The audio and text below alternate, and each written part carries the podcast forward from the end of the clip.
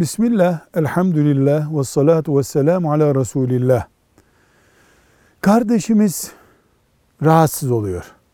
Ben nerede Kur'an okumak istesem, dua yapmak istesem, sen ayn harflerini yapamıyorsun, senin namazın bile olmuyor diye itham ediyorlar beni diyor. Bu kardeşimiz ayn harflerini Elhamdülillahi Rabbil Alemin Sıratallezine en'amte Ayn harflerini yapamıyor olabilir. Boğazdan biraz zorlukla çıkan, hele alışmayan için zor olan bir harftir. Kardeşimiz A diye bir ses çıkarmasın. Bunun normal olduğunu kabul etmesin.